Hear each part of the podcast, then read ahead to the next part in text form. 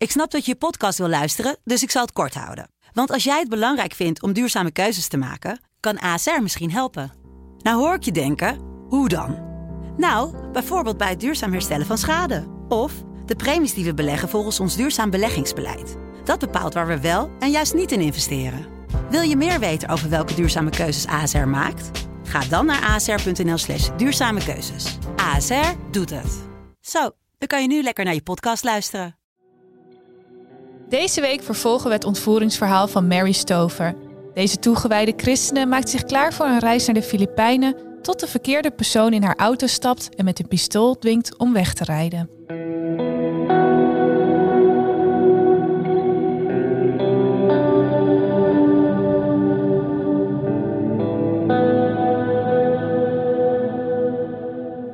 Dit is de podcast Ontvoerd. Ik zit hier samen met Maya Noordam en mijn naam is Kevin van den Berg. Elke week duiken wij in een chockerende ontvoeringszaak die wereldwijd voor opschudding heeft gezorgd. Dit is Ontvoerd, aflevering 22, De Formule, deel 2.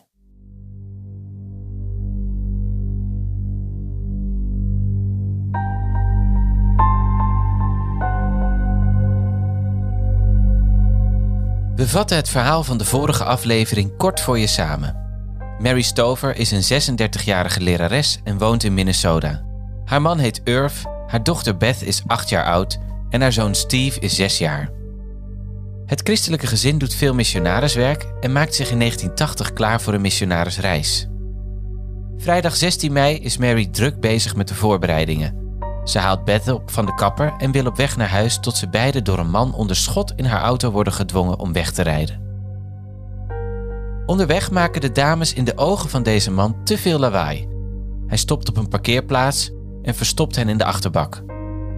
Een jongen op de parkeerplaats, Jason, ziet dit gebeuren, waarna de ontvoerder ook hem in de achterbak verstopt. Hij zet Jason later ergens af en zegt hem te hebben laten gaan. De ontvoerder blijkt Min Chen Shu, die Mary en Beth verstopt houdt in zijn huis vlakbij Roseville. Moeder en dochter worden vastgebonden en verstopt in een kast in de slaapkamer. Min Shu was 15 jaar ervoor een wiskundeleerling van Mary. Hij was destijds 14 jaar oud. Hij was op 8-jarige leeftijd vanuit Taiwan naar Minnesota verhuisd. In de klas raakte hij geobsedeerd door Mary, heeft haar 10 jaar gestolkt en blijkt al vier keer eerder een poging te hebben gedaan om haar te ontvoeren. Shu volgt Mary op de voet. Hij ontdekt dat ze in een Baptist Missionary Apartment in Arden Hills is gaan wonen, breekt in en boort gaten in de vloer om het gezin nauwlettend in de gaten te houden. Tot het moment dat hij haar daadwerkelijk ontvoert. We gaan verder vanaf het moment dat Shu een verklaring geeft aan Mary voor zijn daad.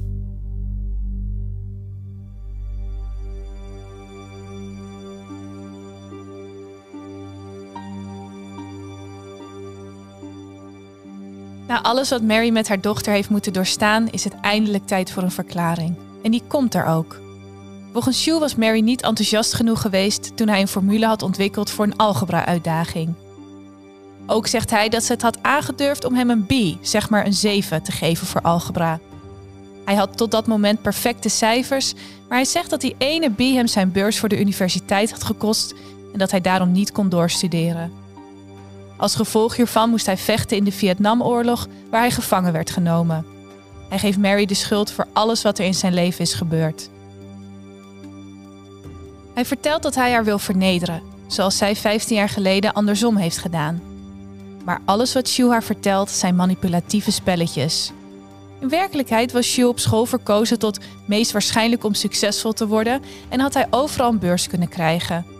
Hij ging ook naar de Universiteit van Minnesota en na het afstuderen werd hij eigenaar van een succesvolle elektronicazaak. En hij vocht nooit in Vietnam. Het verhaal was een fantasie van hem, want hij wil dat Mary denkt dat hij een goede reden voor zijn acties heeft.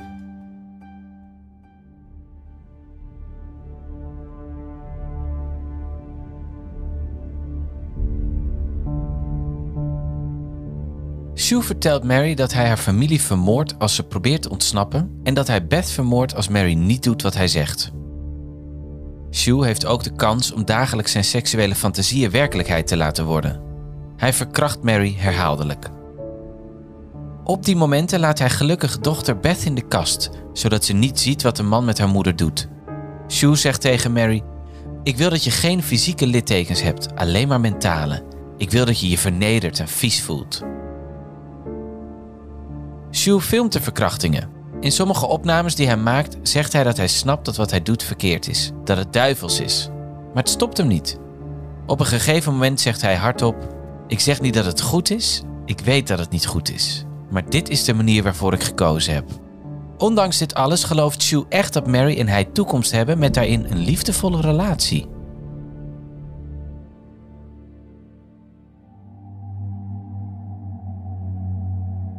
Mary is constant bang dat Sue ook haar dochter zal misbruiken, maar dit gebeurt nooit. Hij dreigt er echter wel constant mee. Zo ook wanneer hij niet blij is met de manier waarop ze op hem reageert. Hij eist dat ze liefdevol naar hem is, terwijl hij dingen met haar doet die ze eigenlijk helemaal niet wil. Ze zegt tegen hem: Dat kan ik niet doen. Ik hou van mijn man en ik heb beloofd om hem trouw te blijven tot mijn dood. Wat je van me vraagt, kan ik niet doen. Zijn reactie hierop is haar te straffen op een vreselijke manier. Hij pakt een grote plastic zak en vraagt Mary of ze ooit iemand heeft zien sterven door verstikking.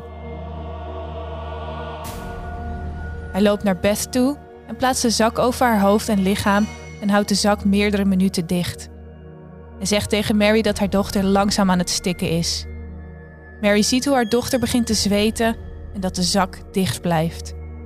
Om hem op te laten houden geeft ze hem een kus op zijn wang, haar manier van liefdevol gedrag. Maar het is niet genoeg, zegt hij. Dus pas wanneer ze hem kust op zijn mond, verwijdert hij de zak rondom Beth.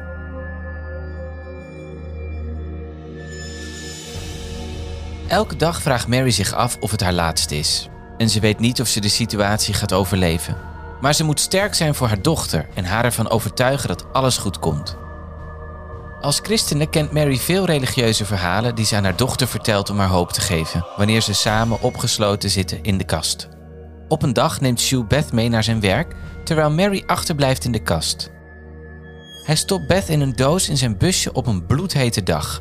Het is een wonder dat het meisje niet stikt in de auto. Ze probeert ook niet te ontsnappen, want Sue had gedreigd haar moeder te vermoorden als ze dat zou doen.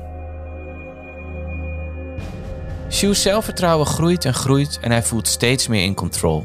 Hij ontspant wat meer en hij laat meer toe. Na een week van opsluiting mogen Mary en Beth bijvoorbeeld bij hem in de keuken eten.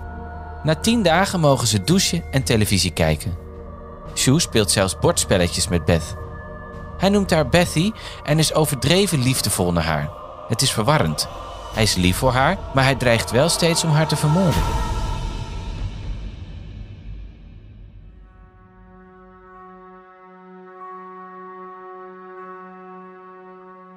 Ondanks de soort routine rondom eten en douchen zitten Mary en Beth verder nog altijd in de kast.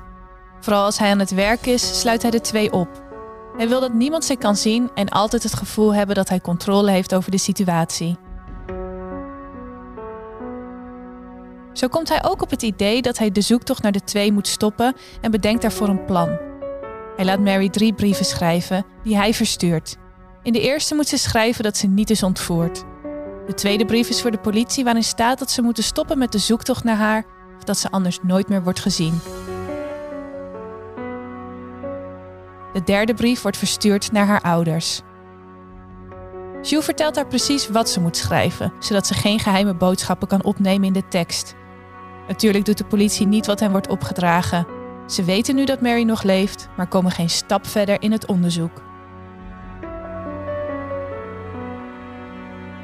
Ondertussen doet Sue alles zoals altijd. Naar zijn werk gaan, zijn sociale leven. Niemand in zijn omgeving vermoedt dat er iets aan de hand is.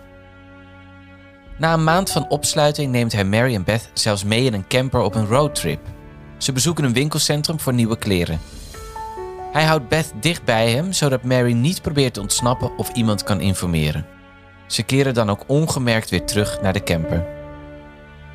Hij bindt ze hierin vast en maakt Mary en Beth wijs dat ze vastzitten aan een constructie, waardoor er een explosie ontstaat als ze proberen te ontsnappen. Na een paar dagen wordt Beth alleen gelaten in de camper. Ze durft natuurlijk niet te ontsnappen, maar probeert wel de aandacht te krijgen van jongens uit de buurt. En dat lukt. Ze vertelt dat ze ontvoerd is, maar helaas denken ze dat ze een grapje maakt. De jongens verdwijnen en doen niets met de informatie.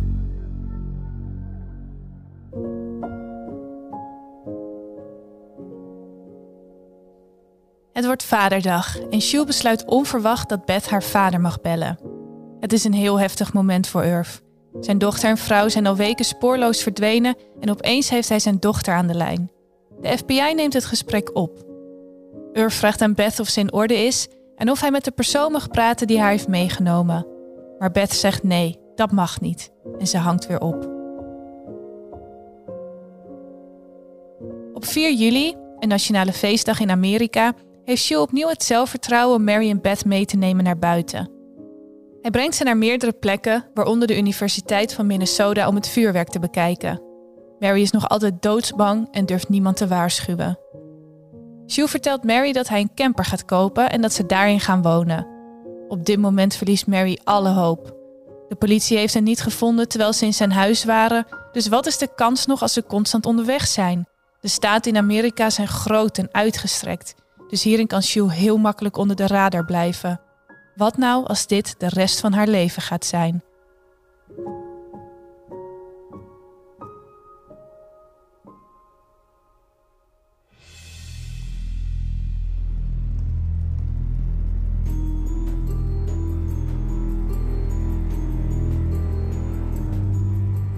Drie dagen later, dag 53 van de ontvoering, zitten Mary en Beth weer vastgebonden in de kast. Het valt Mary op dat de kabel waarmee ze vastzitten is vastgebonden aan de kastdeur. Ze denkt: als ik de scharnierpen van de deur verwijder, dan kunnen we misschien ontsnappen. Ze verwacht niet dat het lukt, maar als ze het probeert, komt de pin er verrassend makkelijk uit. Opeens zitten Mary en Beth niet meer vast in de kast. Ze zitten nog wel vastgebonden aan elkaar, maar ze kunnen wel bewegen. Sue is niet thuis, dus de twee gaan de kast uit. Ze vinden een telefoon in de keuken en bellen de politie. Ze weten natuurlijk niet waar ze zijn, maar ze vinden een bonnetje van de stomerij waarop het adres staat. Mary belt het alarmnummer en vertelt wie ze is. De agent vraagt direct: Is Jason bij jullie? Tot dat moment dacht de politie dat Jason bij hen was en Mary dacht dat hij was vrijgelaten. Maar dan realiseert Mary zich dat Sue tegen haar gelogen heeft. Hij heeft Jason helemaal niet vrijgelaten hij heeft hem vermoord in het bos met de krik. Nadat ze de politie hebben gesproken, blijven Mary en Beth bij de voordeur wachten. Elke seconde voelt als een uur en Sue kan elk moment thuiskomen om hen te vermoorden. De politie had gezegd dat ze binnen moesten blijven, maar ze worden nerveus. Sue had gezegd dat hij ze 24/7 in de gaten hield, dus Mary is bang dat hij heeft gezien dat ze ontsnapte en gebeld hebben en dat hij op weg naar huis is. Ook heeft ze net gehoord dat hij een kindermoordenaar is, dus ze is banger voor hem dan ooit. Ze besluit daarom om met Beth naar buiten te gaan en zich te verstoppen in de achtertuin tot de politie komt. Er verschijnen twee auto's. Het zijn politieagenten in onopvallende burgerwagens. Ze zoeken rond en vinden Mary en Beth gehurkt achter een oude auto. Ze zitten nog altijd vastgebonden aan elkaar en zijn doodsbang. Maar eindelijk, na ruim zeven weken, zijn ze gered. Jules wordt direct gearresteerd op zijn werk en aangeklaagd voor meerdere vergrijpen. Hij wordt berecht in twee rechtszaken. Eén voor de ontvoering van en de moord op Jason, ondanks dat het lichaam van de jongen niet is gevonden. De tweede rechtszaak is voor de ontvoering van Mary en Beth, plus het seksueel misbruik van Mary. Beth en Mary lijken eindelijk veilig te zijn nu Sue is opgepakt, maar niets blijkt minder waar. Sue heeft Mary verteld dat als hij gepakt wordt, hij haar opnieuw vindt wanneer hij wordt vrijgelaten. En als ze tegen die tijd dood is, dan gaat hij achter haar kinderen aan. Wat er ook is, wat voor straf hij ook krijgt, wat er ook gebeurt, ze kan er altijd op rekenen dat ze nooit veilig zal zijn. Het blijken geen loze woorden te zijn. Terwijl hij vastgehouden wordt in afwachting van zijn rechtszaak, biedt Sue zijn celgenoot Green 50.000 dollar om Mary en Beth te vermoorden. Green wordt namelijk bijna vrijgelaten en Sue wil niet dat ze tegen hem getuigen. Hij stuurt hem vast een cheque van 1000 dollar als aanbetaling voor de moord, maar gelukkig ziet de FBI deze betaling. Ze gebruiken informatie om Green te laten bekennen dat hij door Sue is ingehuurd om Mary en Beth te vermoorden. Maar ook hiermee is het gevaar niet geweken.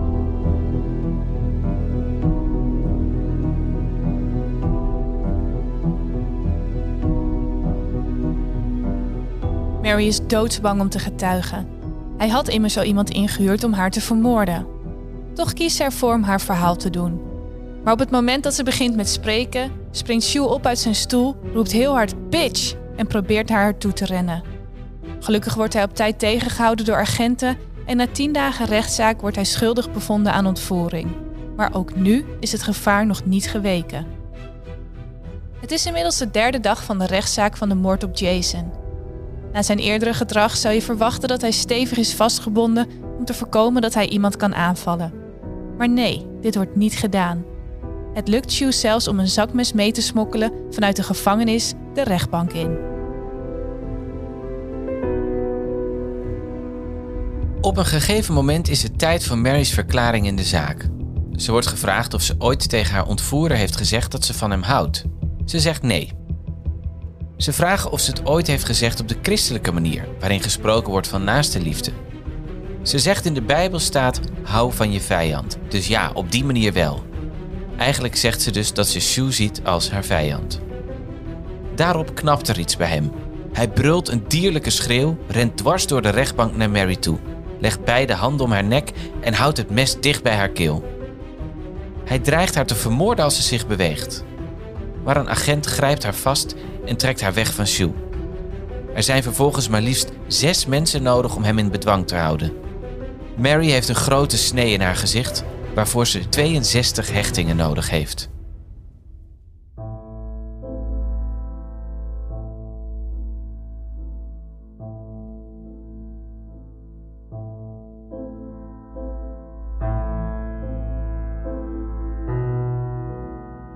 Vanaf dat moment wordt Shu stevig vastgebonden aan zijn stoel tijdens de rechtszaak. Als het gaat om de moord op Jason sluit hij een deal. Als hij de politie vertelt waar het lichaam van de jongen is, wordt hij niet veroordeeld voor moord, maar voor doodslag. En zo gebeurt het ook. Shu leidt de politie naar een plek in het bos waar de overblijfselen van Jason worden gevonden. Autopsie wijst uit dat hij is gestorven door een klap op de achterkant van zijn hoofd, maar zijn hele lichaam zit onder de blauwe plekken en kneuzingen. Shu heeft hem ernstig mishandeld met de kruk uit de auto die hij had meegenomen.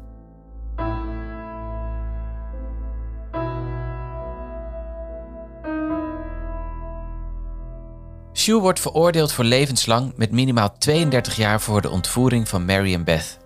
In de zaak rondom Jason wordt hij vanwege zijn deal veroordeeld tot 40 jaar gevangenisstraf wegens doodslag. Tijdens zijn rechtszaak liet de verdediging een psychiater verklaren dat Sue signalen liet zien van paranoïde schizofrenie.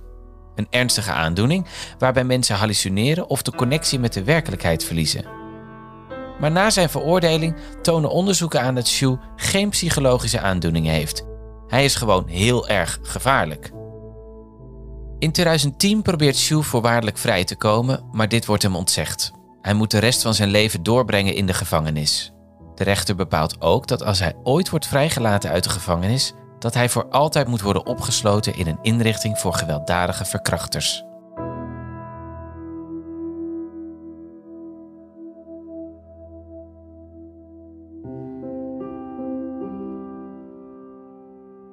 Shu zit nog altijd opgesloten en is inmiddels 70 plus. Hij kampt met artritis en nierfalen en verkeert niet in goede gezondheid. Na de hoorzitting over zijn voorwaardelijke vrijlating zei hij: De spijt drukt zwaar op me. Ik heb met niemand rekening gehouden en ik heb gedaan waarvan ik wist dat het fout was. Maar de psychologische rapporten laten zien dat hier niets van waar is, dat Shu geen enkele spijt heeft van zijn daden. Mary en Beth gingen alsnog met Irv en de rest naar de Filipijnen. Mary en Irv zijn inmiddels met pensioen en zelfs Beth is al oma. Zij zei: Hij had ons 53 dagen en als ik hem er nog één geef van mijn leven, dan wint het kwaad. Mary vertelde later dat ze het heeft overleefd door haar ziel los te koppelen van haar lichaam. Je kan mijn lichaam pijn doen, maar je kan mij niet raken, dacht ze. Ze had Hugh makkelijk kunnen aanklagen voor de situatie. Hij had immers een succesvol bedrijf. Maar ze besloot om dit niet te doen. Wraak is aan God, zei ze.